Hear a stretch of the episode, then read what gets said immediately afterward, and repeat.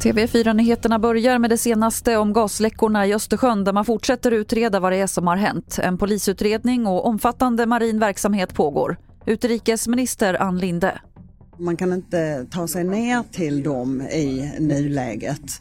Men vi försöker ju på olika sätt. Det finns ju bilder eh, så att säga, uppifrån och så vidare och ta reda på vad som har hänt. Vi har varit också i kontakt med våra seismologiska experter för, som kunde konstatera att det här inte är några naturliga eh, ändringar utan att det handlar eh, om någon form av detonation. Det har gått ut ett viktigt meddelande till allmänheten i Asarum i Karlshamns kommun. Det brinner i ett flerfamiljshus där och rökutvecklingen ska vara kraftig. Räddningsledaren uppmanar alla i området att gå inomhus och stänga dörrar, fönster och ventilation.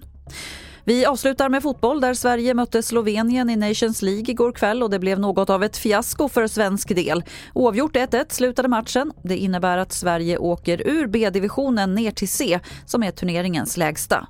Viktor Claesson.